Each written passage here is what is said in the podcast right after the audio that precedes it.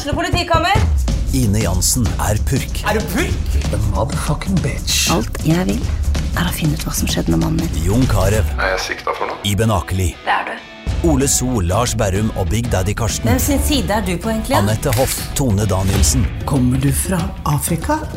Jørnis Josef, Nesten. Kløfta. Trond Espen Seim, Det er synd å si det, men det var feil mann som døde. Purk. Premiere tirsdag på TV2 Play. Hei, og velkommen til en ny episode av Debrif med Dag Sørås. Begynner faen meg å bli en stund siden jeg gjorde en uh, ordinær episode. Jeg husker ikke helt, men et par-tre uker må det da være. Uh, det har vært uh, Ja, hva har det vært? Jeg faen ingen jævla oversikt jeg skal gå inn her og se. Men den forrige var i hvert fall med gjest. Og jeg lurer på om Det var uka før også, det. Skal vi se Espen, og så var det Chillingstad. Stemmer, ja. Ikke, det her er første ordinære episode siden eh, 2. juni. Så Og det har sikkert grunner. Eh, mest av litt piffen, eh, og det er sommer, det er færre lyttere. Så jeg vet da faen. Men så var jeg akkurat spilt inn eh, eh, Poprådet, den som jeg gjør en gang i måneden eh, i, eh, sammen, eller for Aftenposten. Og eh, det var en interessant episode. eh, også litt fordi eh, Torbjørn Røe Isaksen er en av de andre faste eh, Ja, vi, vi er liksom faste gjester på rullering. Eh, og så var eh, Therese sjuk, så Torbjørn steppa inn. Eh, og eh, han er egentlig en fyr jeg tror jeg kunne henge med. Jeg og han har hatt en sånn Første gang jeg traff han var da vi gjorde Jeg nevnte det så vidt i episoden, men vi gjorde et program som heter Underhuset som var et mislykka TV 2-forsøk på uh, God idé, men, men uh, det var liksom komikere og politikere. Og jeg prata om det her flere ganger for en flopp det var, hvor uh, kjipt det var å være med på. Um, men ideen var komikere og politikere ha en diskusjon. Uh, og da var Torbjørn med på pilotepisoden. Og i den episoden så uh, viste de et opptak fra um, fra barndomsrommet hans, hvor han hadde det her går jo litt, det her begynner å bli jævlig lenge siden, men sånn som jeg husker det, så hadde han bilde av Margaret Thatcher og Ronald Reagan på gutterommet sitt, som uh, tyder på at Jesu navn.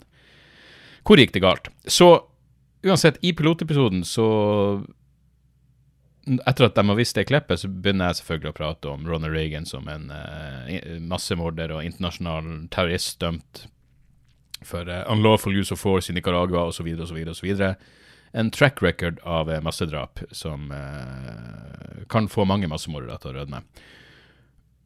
Og Torbjørn var uenig, så vi begynte å ha en frem og tilbake på akkurat det, og det ble litt oppheta og gøy, og det er sånn det skal være. Så, når vi da skulle spille inn en vanlig episode, eh, så var Torbjørn med igjen. Dette var en stund etterpå, og de visste det samme opptaket. Men da tenkte jeg eh, jeg kan ikke bare gå og begynne Jeg kan ikke rekonstruere denne debatten vi hadde om Reagan. Så jeg begynte å prate om hvorfor Margaret Thatcher var jævlig. Og da husker jeg Torbjørn sa til meg etterpå faen, jeg trodde vi skulle ta den Reagan-greia om igjen. Jeg bare, Nei, men det ville du vært forberedt på.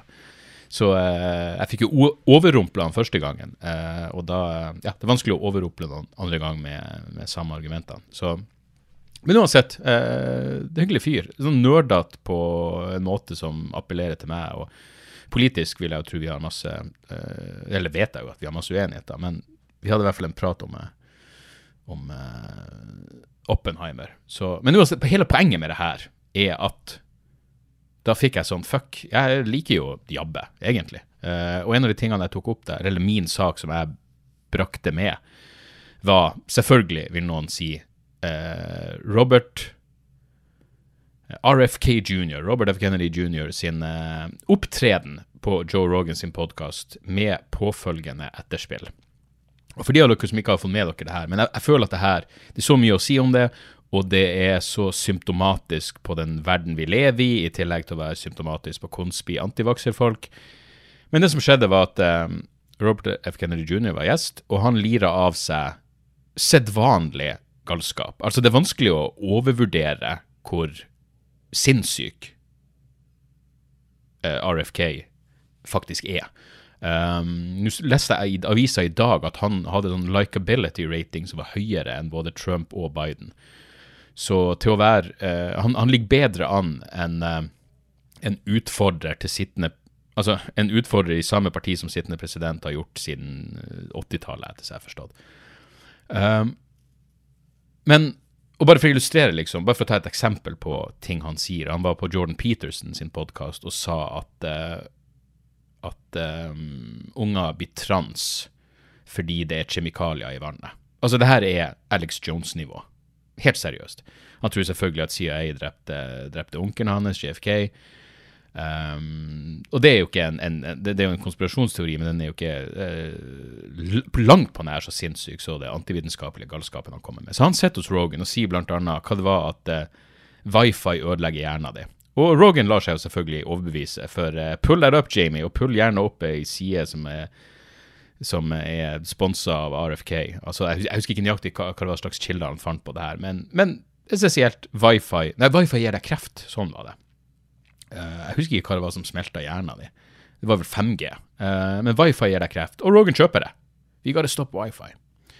Um, som er helt fantastisk. Uh, han driver og gjentar de her påstandene om at vaksine fører til autisme, som er debunka. Det Andrew Wakefield-svindelen. det her er debunka for 20 år siden. Um, han gjentar, og selvfølgelig covid-galskap og, og, alt der, og Big Pharma. Så det som da skjer, er at uh, en, uh, en, en kar som heter Peter Hotes, hva er han egentlig?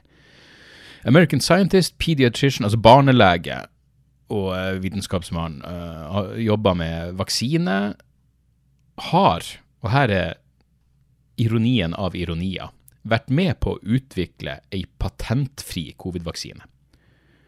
Altså, Vaksinen skal være åpen for alle mens Rogan og RFK sitter og prater om Big Pharma. Så Peter Hotes har vært gjest hos Rogan to ganger før Rogan tilta under pandemien. Han var bl.a. gjest rett, helt i starten av pandemien, og da sitter Rogan og sier til han det finnes så mange galninger der ute som ikke anerkjenner det faktum at vaksine er en av de viktigste og mest fantastiske menneskelige oppfinnelsene noen gang, og folk vil at det skal være en konspirasjon. Det her er liksom mars 2020, og så har Rogan tilta totalt. Um, men Peter Hotes legger ut en tweet hvor han skriver til Rogan liksom, hvordan kan du hvordan kan du drive og dele det her faenskapet? Altså, du vet jo at det her ikke stemmer. Et eller annet sånn. Og Rogan da eh, utfordrer han til en debatt. Han skulle få 100 000 dollar, skulle Rogan donere til eh, Eller var det 10 000 dollar, jeg husker ikke. Til en eh, Sikkert 10 000 dollar. 100 000 kroner. Eh, han skulle donere det til hvordan som helst veldedig formål Peter Hotes ville, hvis han kom og debatterte RFK Jr. på hans podkast. Og det er jo mye å si om det, men for det første, det viser seg jo at Peter Otis For det første så sier han til Rogan For det første, Peter Otis har skrevet til Rogan gjennom pandemien, sendt han meldinger, sendt han mailer, fordi de er venner, essensielt. De har truffes flere ganger utenfor podkasten også. Han har sendt Rogan mailer og tweeter og personlige personlige korrespondanser. Tro det eller ei, det går an å kommunisere med folk uten å gjøre det offentlig. Hvis du, hvis du tenker at en venn har klikka. Eh, en venn sprer eh, livsfarlig eh, livsfarlige løgner. La oss slutte med det feilinformasjon, pisspratet. Hvis du driver og Ja, så Han har kontakta Rogan flere ganger, ikke fått svar. Men når han da legger ut på Twitter at denne episoden er helt sinnssyk, så kommer Rogan med det her, eh, denne utfordringa til å stille opp på en debatt. Og Peter Hotis har sagt eh, det er jeg ikke interessert i, men jeg kommer gjerne alene på din podkast og går igjennom de her påstandene. Det vil ikke Rogan ha noe av. Hvorfor? Fordi det her skal være et show. Selvfølgelig skal det være et show. Og den ene, jeg utfordrer deg til å komme på min podkast, jeg skal få enda mer fuckings oppmerksomhet for mine sinnssyke overbevisninger. Altså, Hvorfor skulle Peter Hotis gjøre det? Hvorfor skal du debattere under de her premissene? Og det er det her jeg mener. Uh, så for det første, det er så jævla mange argument. Du kan si hvis Peter Hotis møter opp og en gang møter RFK til en debatt, så kan du si at han han, uh, han anerkjenner han som en likeverdig motstander. For det er tross alt noe vi skal debattere her, når det egentlig ikke er noe å debattere. Og for det andre, hvorfor skal du gjøre det hos Joe Rogan? Eh, hva er oddsen for at Rogan klarer å være en en, en nøytral moderator, når han har sittet og jatta med på det mest sinnssyke faenskapet, som RFK og McCullough og Malone og alle de fuckings jævla sjarlatanene han har sittet og spydd ut i timevis på den helvetes jævla forpulte podkasten hans. Hvorfor skal han gjøre det der? Og for det tredje blir det vel, er det her den rette måten å debattere et vitenskapelig tema på? Live hos fuckings Rogan, mens Jamie skal sitte og dobbeltsjekke ting. Det burde vel foregå skriftlig. Og så kan man selvfølgelig også si at kanskje Peter Hotes ikke er en god debattant. Jeg mener, faktum er jo en debatt, altså debattformatet, fordrer at du er god til å debattere, at du, en, at du, er kjapp, at du har karisma, at du er god retorisk. Jeg vet, jeg vet ikke, jeg kjenner ikke til Peter Hotes, men jeg har sett noen intervjuer med han, han virker ikke som han virker ikke som en debattype. Um, så det er så mange ting feil med hele utgangspunktet. Så vil jeg jo si at man kan ikke bare avskrive RFK jr. fordi han er faktisk eh, en kandidat til å få muligheten til å bli verdens mektigste menneske. Så man kan liksom ikke bare På samme måte som eh, det var greit å ha Trump på Twitter, fordi da, da, fikk man i hvert fall forholde seg til galskapen som, som eh, Man fikk forholde seg til kaoset og feberfantasiene som foregikk i hodet hans. Uh, men det jeg har sett i hvert fall fem forskjellige uh, virologer, uh, vaksineforskere, vitenskapsfolk av forskjellige, av forskjellige, titler som har sagt seg villig til å møte opp og debattere i Peter Hotes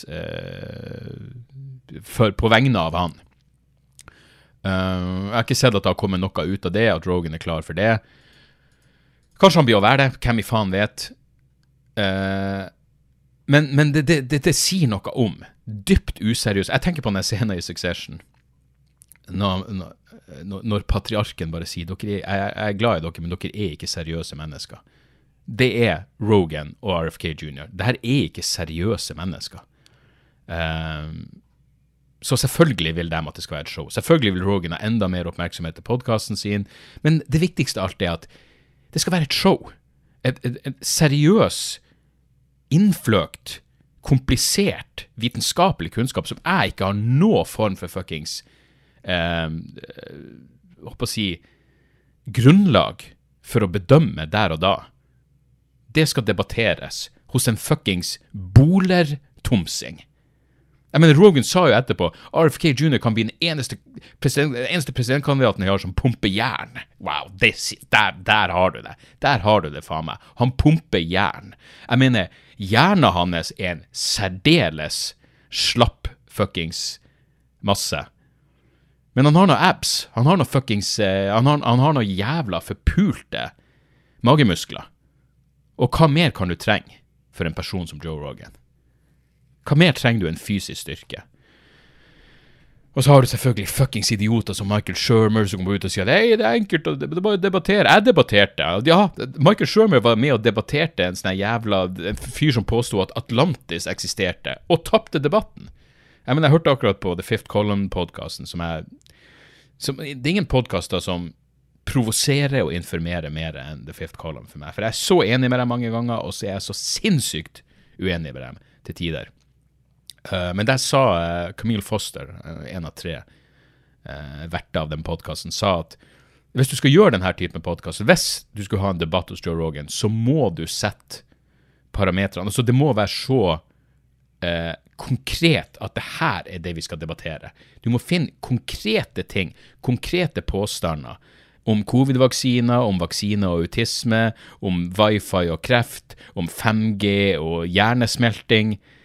Og så kan vi selvfølgelig si hvorfor faen skal en vitenskapsmann møte opp? Og det, ikke sant, det minner jo om det her eh, eh, hvor, hvor liksom skal skal, skal en vitenskapsperson debattere en kreasjonist? Skal, liksom en, skal, skal, en biolog, skal Richard Dawkins sitte og, og, debattere noen som tror at jorda er 6000 år gammel?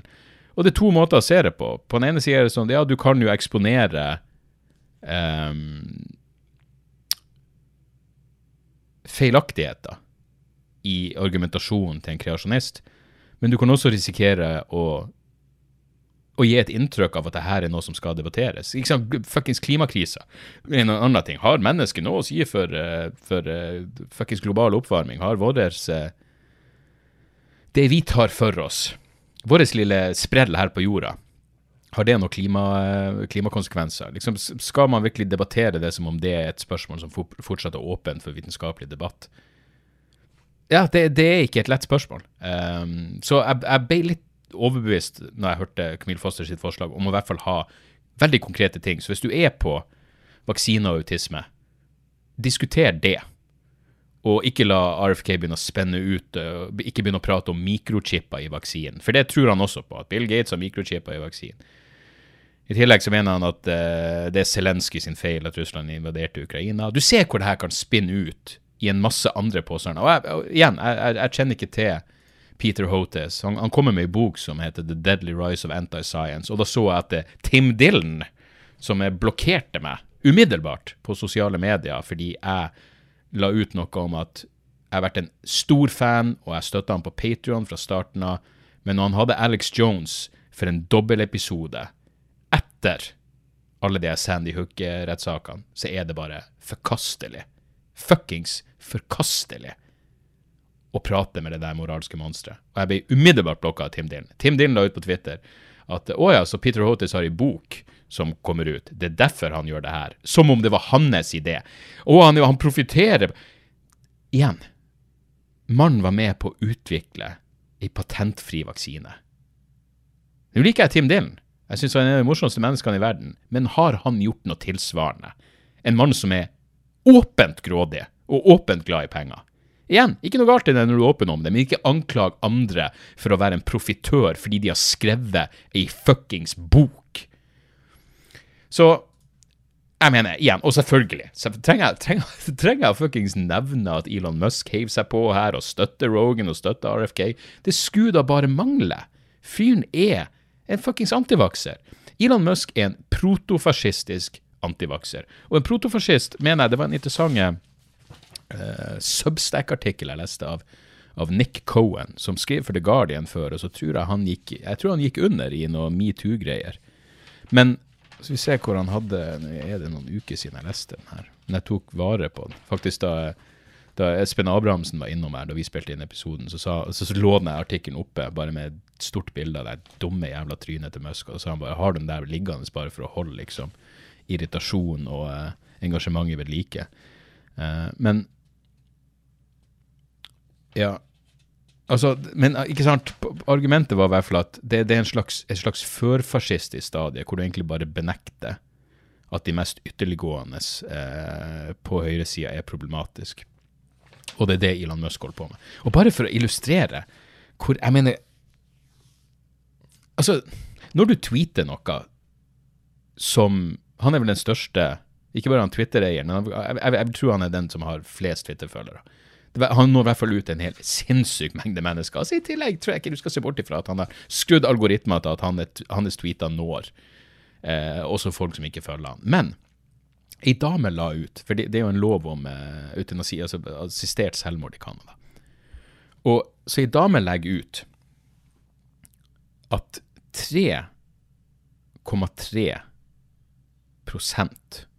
av canadiere har tatt assistert selvmord. Og igjen, ikke for å være Altså, hvor mange bor det i Canada? Nå må vi sjekke ut matematikken. Det må det være over 100 millioner? Over, se, det, det, det, viser, det, viser, min fuckings eh, tallkunnskap.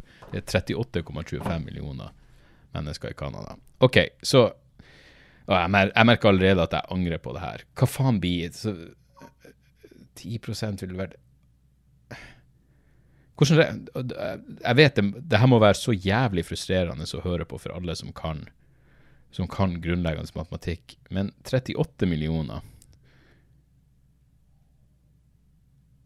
ganger 0,33 Altså, det er mulig jeg tar feil her, men la oss, jeg, jeg lurer på om 3,3% av Canadas befolkning er 125 000 mennesker.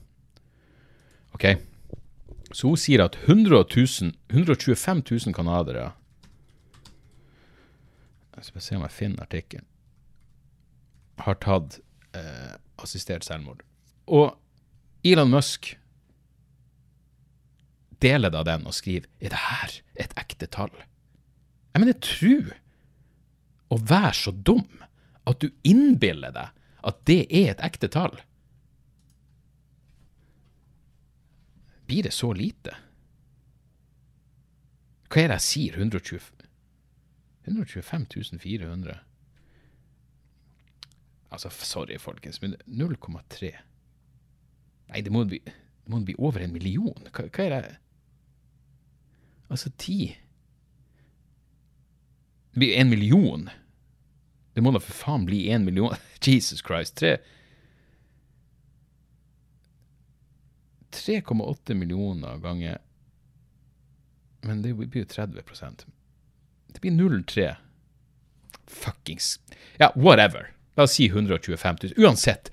3,3% av canadiere. Se for deg at 3,3% av befolkninga i Canada har tatt assistert selvmord. Vil ikke det bli en sinnssyk oppstandelse? Selvfølgelig er det ekte tallet 3,3% av alle dødsfall i Canada i 2021 var assistert selvmord. Um, som er noe veldig annet enn å si at 3,3% av canadiere har tatt selvmord. Men bare det at han underholder den tanken, og at han ikke gjør et raskt Google-søk før han legger det ut Jeg mener, det sier fuckings alt om det her jævla geniet. Så jeg vet ikke. Det, det, det.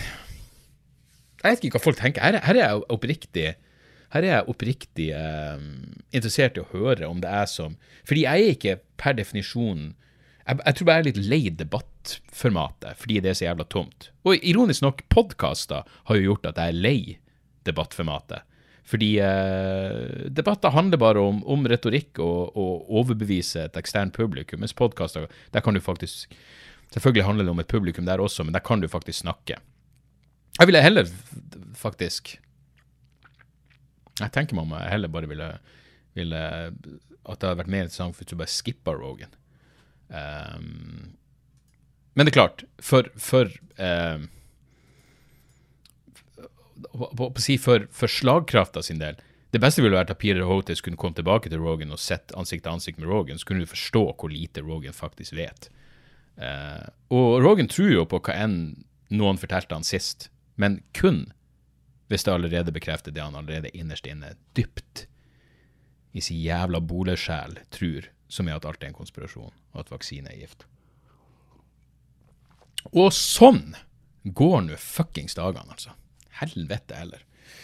Ellers så går det Jeg, jeg vurderte faktisk eh, Ja, det, var, det kom nye alko, i dag. Og jeg har jo spilt inn en episode med Alexander Sandtorv som ligger ute på Patrion. Patrion.com slash dagsoras. Jeg vurderte å legge den ut Jeg burde jo ha planlagt det bedre, men jeg vurderte å legge den ut i dag fordi de nye alkorådene kom, hvor uh, uh, det er et uh, Helseanbefalinga er å unngå alkohol totalt ny felles, felles nordisk rapport men mener all, all alkoholbruk bør unngås. Og Jeg visste ikke at dette var kontroversielt, det må jeg ærlig innrømme, men jeg og Aleksander eh, prata litt om det her, og så tenkte jeg kanskje jeg skulle legge den ut akkurat nå når denne rapporten kommer ut, men så er det sånn eh, jeg vet da faen, jeg venter til høsten.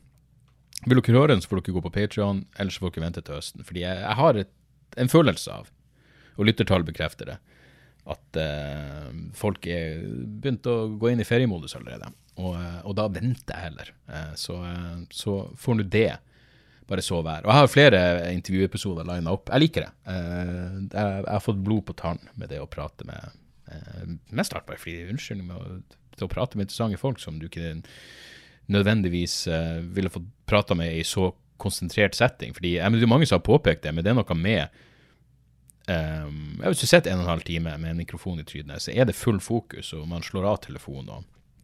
Og eh, ja, når, når, skjer det i det, virkelige, i det virkelige liv?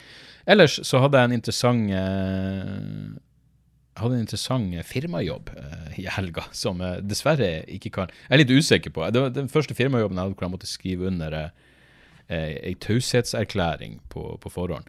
Så jeg kan vel egentlig ikke nevne hvem det var for. Men eh, det var, eh, det var, en interessant jobb. Eh, kunne blitt litt betent, eh, men eh, det gikk jævlig bra. Og jeg sa til dem sånn eh, at ja, jeg går ut fra taushetsplikta gjelder begge veier.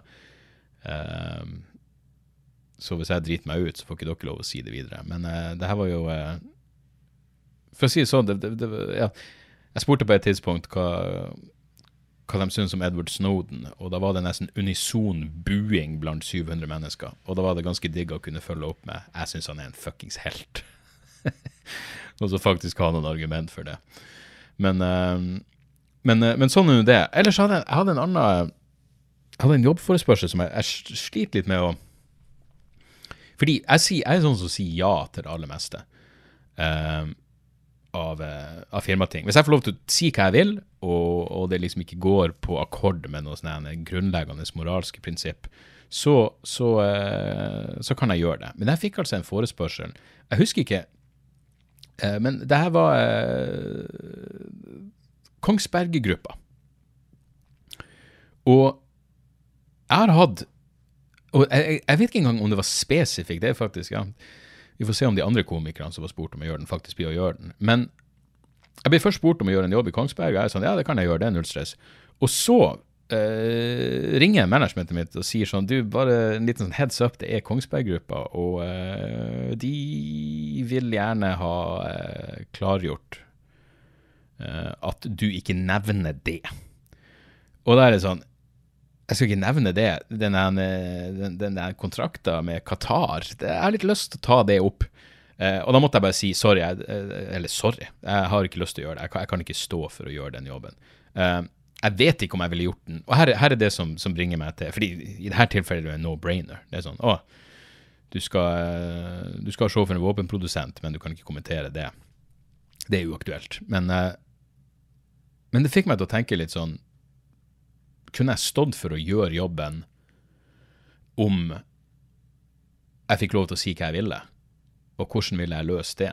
Det er ikke godt å si, fordi faktum er jo at jeg har gjort en jobb for Kongsberg Gruppa før, og det er derfor jeg er så sjokkert over at de ba meg igjen. Fordi jeg kom til energimølla på Kongsberg for mange år siden, og jeg visste ikke at det var Kongsberg Gruppa. Jeg hadde ikke fuckings satt meg inn i hvem det var. Uh, og jeg får en katalog, med, en våpenkatalog, så jeg kan finne inspirasjon å prate om. Det her skulle være på engelsk i tillegg, for det var noe utenlandske uh, å si Jeg vet ikke om det var noen potensielle kunder. Noe, det var vel i så fall noen representanter for et eller annet diktatur som trenger både teknologi og, og, og våpen. Og jeg tenka den jobben så faen. Altså, det gikk så jævla dårlig. Hva enn jeg sa om våpenindustrien, funka ikke. Det var da jeg husker jeg stakk umiddelbart etterpå. Jeg gikk, Da skulle de ha sånn fest først, og så så jeg skulle ha standup helt i starten, og så skulle de ha fest etterpå. Og det var, det var noen damer som bare gikk, uh, og jeg havna bak dem. Og uh, da husker jeg enda at jeg gikk, jeg gikk såpass langt bak dem at jeg hørte ikke hva de sa, men så møtte de en kollega på vei ned til festen. Og da stoppa jeg også, og da sa han sånn uh, 'Jeg er litt seint ute, hvordan var standupen?' Og de var sånn Altså, det var så jævlig. Det var så jævlig dårlig. Det var helt, Jeg hadde tydeligvis ødelagt kvelden deres. Og da kunne jeg en måte leve med det. Det føltes fortsatt litt fuckings, det må jeg ærlig innrømme, litt råttent å ta de pengene. Men jeg fikk i hvert fall si nøyaktig hva jeg ville. Um, så det, det, var ikke som jeg vurderte å gjøre det her denne gangen, men, men det føles litt sånn Ville det, ville det bare vært en måte å rettferdiggjøre og ta, ta blodpenger på og gjøre en jobb for Kongsberg Gruppa hvis jeg fikk lov til å si hva jeg ville, eller er det liksom Hei. For jeg ville jo jeg ville jo fuckings gjort standup for fuckings Sian hvis de betalte meg. Uh, så lenge jeg fikk lov til å si hva jeg ville. Så ja, det er et eller annet der som jeg ikke helt klarer å, klarer å bestemme meg for. Når, når, de legger begrensninger på hva jeg kan si, så er det jo, da er det jo da er det ikke noe mer å tenke over. Men, men liksom, om jeg så fikk lov til å si hva jeg ville, så tar det jo fortsatt um, Ja, nei, jeg vet ikke. De her prinsippene, folkens, de er ikke bestandig så jævla lett å um, de er ikke bestandig så jævla lett å, å forholde seg til. Uh, jo, og så må jeg gjøre jeg må gjøre en oppklaring her, fordi jeg fikk en mail fra en person som spurte hvor er den jævla jobben? Fordi jeg har jo uh, pause i turneen min, men uh, neste fredag skal jeg til Hemnesberget, hvor i faen enn det er, båt- og fjordfestival. Og der skal jeg gjøre Apokalykke. Så hvis ja, for han her fyren spurte om det blir det samme showet på Hemnesberget som det gjør når jeg skal til Mo i Rana med Apokalykke i september. Det gjør det. Eh, bare så dere er klar over det. Det er det eneste Apokalykke-showet jeg gjør som ikke står på den offisielle turnéplanen. For de var litt frem og tilbake med hva jeg skulle gjøre for noe. Men, men essensielt så blir det Jeg tror i hvert fall det. Så blir det noe av det samme. Hvis du ser meg på Hemnesberget, så, så trenger du ikke å komme i Mo i Rana, og vice versa.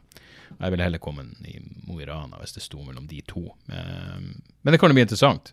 En båtfestival. Uh, det blir nok et publikum som uh, Ja, jeg vil, jeg vil, tro jeg treffer på en god del folk som ikke vet hva jeg holder på med. Så, så det skal jo bli det skal jo bli interessant. Ellers så starter turneen opp igjen 8.9., og det er flere nye datoer ute, og alt ligger på dagsoras.com.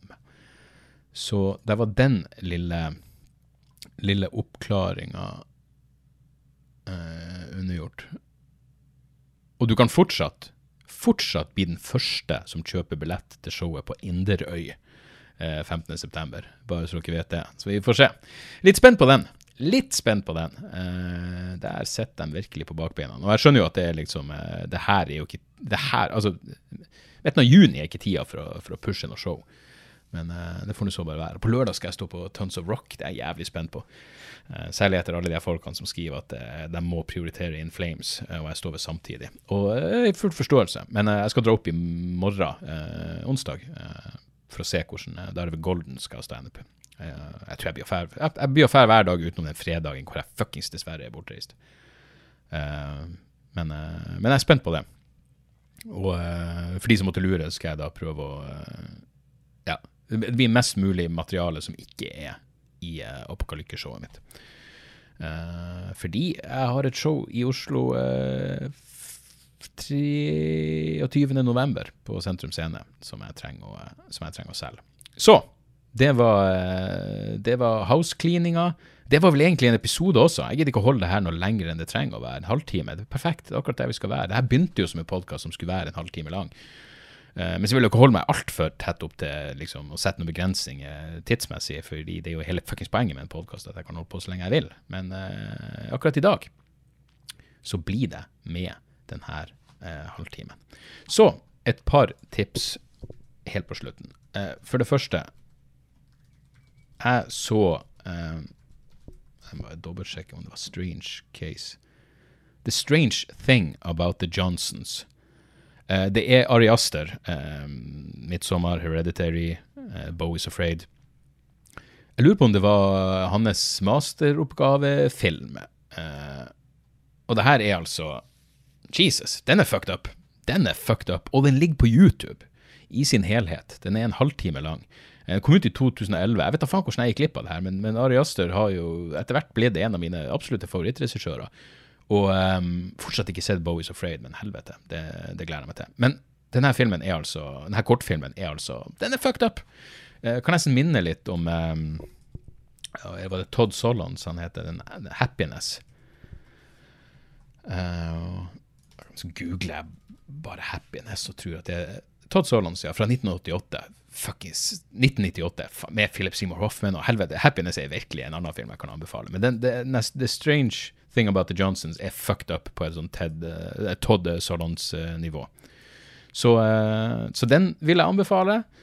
Og så vil jeg anbefale uff, Jeg har mye ting her. Chimp Empire på Netflix. Er sikkert mange som har fått med seg det. Jævlig interessant firedels eh, dokumentarserie som følger som følger en, en, en, en liten gruppe med sjimpanse og eh, patriarken er under utfordring, og det er konflikter med ei nærliggende gruppe. Og faktisk han regissøren var på Rogan, og det var, en, det var en bra samtale. Det er Rogan på sitt beste eh, når han prater med noen som eh, skal snakke om sjimpanse.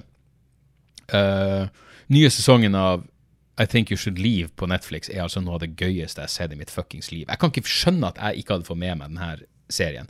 Uh, det, det, er en sketsjeserie som er noe som jeg vanligvis ikke ser på. Men, men uh, det var vel Anthony Jeselnik-podkasten hvor han nevnte at den nye sesongen var så bra. Og jeg bincha alle tre sesongene. Det er korte episoder. Hver episode er vel på et kvarter eller noe sånt. Men det er altså noe av det rareste og morsomste faenskapet jeg har sett i hele mitt jævla liv. I think you should leave. Fucking hell, jeg håper det kommer en ny sesong fortest mulig. Helt jævla fantastisk. Og så med tips om ei skive. Eh, Miranda and The Beat. Som er altså det er et eller annet med den når du hører skiva hvor, det bare er sånn det, det, her må være fra New York. Det, det, kan liksom ikke være fra noe annet enn New York. Og det er Det er Hva er det for noe? Det, det er skjetten, føssete rock. Um, jeg fant ut om den eh, da eh, Helge Skog i Feedback anbefalte den. Og han skriver følgende Dette er den beste oppsummeringa. Dette er det du trenger. Uh, fordi det, det, det, det er punkete garasje, litt psykedelisk uh, uh, si Innflytelser, influeringer, jeg vet da faen. Og, uh, uansett, Helge skriver følgende Miranda the Beat er som gategjengen i en film noir, der plottet utspiller seg på klubber av typen man finner under bakkenivå, med svært liberal åpningstid som det lokale politiet helst ikke bør kjenne til. Og den er så jævla variert også, og en av mine favorittlåter, sånn som hvis du uh, Skal vi se Jeg skal bare finne finne skiva her. Fordi det er en låt, låt som heter ODR, som er 50 sekunder lang og høres ut som Dead Kennedys. Og så går den inn i det jeg tror er min favorittlåt på skiva, som heter When Are You Coming Home. Som bare er som en 70-talls psykedelisk poplåt. Uh, det er rett og slett uh, jævlig, jævlig bra. Uh, det er rock. Det er rock'n'roll, for helvete. Men uh, fantastisk, fantastisk uh, skive. Jeg, jeg, jeg, det skulle ikke forundre meg om den er nå på topp ti hos meg. I hvert fall per nå. Uh, jeg, hørte på den første gang jeg, skulle gå til byen og gjøre et eller annet. Og det var en av de fuckings hetebølgedagene hvor alt bare var nydelig og perfekt. Jeg kunne bodd i ørken, folkens. Det, det hadde jeg virkelig digga. Fordi det, det slo meg straks Nå regner det, da, men, men, straks det begynte å bli klamt, så blir det sånn drepende. Men når det bare er tørt og varmt, tørt og 30 grader, fuckings elsker det. Men da hørte jeg på denne sida, Jeg gikk hørte på litt forskjellig musikk. Så en lang gåtur er det perfekte øyeblikket for å sette seg inn i. Da. For jeg bare lagrer jeg lagrer skiver, liksom. Jeg går inn på Album of the Year eh, hver fredag og ser hva som kommer ut, og så lagrer jeg bare alt av metal og power. Liksom. Og så leser jeg anmeldelser forskjellige plasser, og så har jeg noen venner som tipser meg om ting. Men eh, så skal man jo få tid til å høre på det faenskapet, i tillegg til podkaster og lydbøker og alt det der. Så jeg gikk og hørte på litt forskjellige ting, og straks den her kom, så For da liksom, jeg kan gi ei skive, to-tre låter, og så går jeg videre til en ny skive hvis jeg ikke har fenga meg. Men uh, Miranda The Beats var det plutselig sånn Oi, fuck, nå har jeg hørt hele plata. Og jeg bare fikk en sånn, et øyeblikk eh, når jeg var kommet til sentrum, hvor jeg stoppa opp for å ta opp telefonen og se hva jeg faktisk hørte på. Eh, jeg digger den. Digger den, digger den. Og så er den perfekt for, eh, for sommeren også. Jeg mener, hvem vil ikke ha litt skjetten, svett rock'n'roll når det er svett ute? Perfekt. Perfekt. Så der. Eh, med det tror jeg det er eh, sommerferie.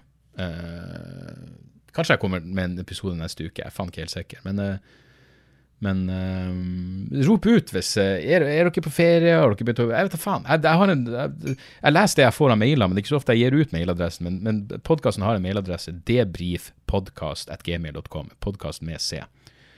og så, så håper jeg ting står, står bra til. Vi høres snart. Vent, sa jeg at vi høres snart igjen? Det er jo ingen mening. Jeg vet ikke når vi høres igjen. Kanskje det blir lenge til, kanskje det blir snart. Hvem faen bryr seg? Sommer ute. Nyt livet. Vi høres. Hei! Har du et enkeltpersonforetak eller en liten bedrift? Da er du sikkert lei av å høre meg snakke om hvor enkelt det er med kvitteringer og bilag i fiken, så vi eh, gir oss her, vi. Fordi vi liker enkelt. Fiken superenkelt regnskap.